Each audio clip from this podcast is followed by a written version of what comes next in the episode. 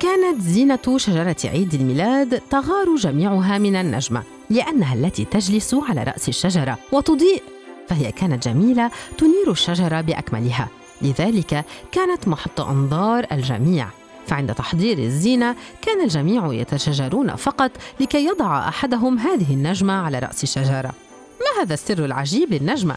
وكيف ستتخلص منها باقي الزينة؟ اتفقت الأشرطة الملونة والكريات اللامعة مع الشجرة بأن تهز هذه الأخيرة لكي تقع النجمة فيرتاح الجميع منها ولا تكون هي محط اهتمام الناس.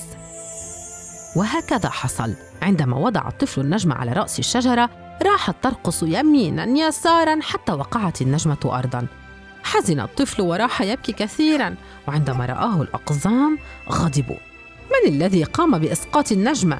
فتلك كانت بالفعل نجمة العيد وهي أجمل ما في الزينة اتجه الأقزام نحو الشجرة وقالوا لها إن العيد لا يكتمل بدون النجمة وإنها جزء لا يتجزأ من عائلة عيد الميلاد ووبخ الأقزام الزينة أيضا لأنها ليست حسنة النية عندما تغار من النجمة بل عليها أن تفرح جميعها بقدوم العيد وبنور النجمة الذي يبشر بالعيد. أحست الزينة بالذنب خصوصا بعد أن افتقدت للنجمة التي كانت تنير عليها.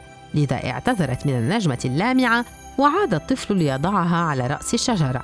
وعندما أتت ليلة عيد الميلاد أضاءت النجمة مبشرة بقدوم العيد وشكرت الزينة والشجرة النجمة على مسامحتها لها لأنه بالفعل العيد لا يكتمل إلا باكتمال كل أفراد الشجرة والزينة.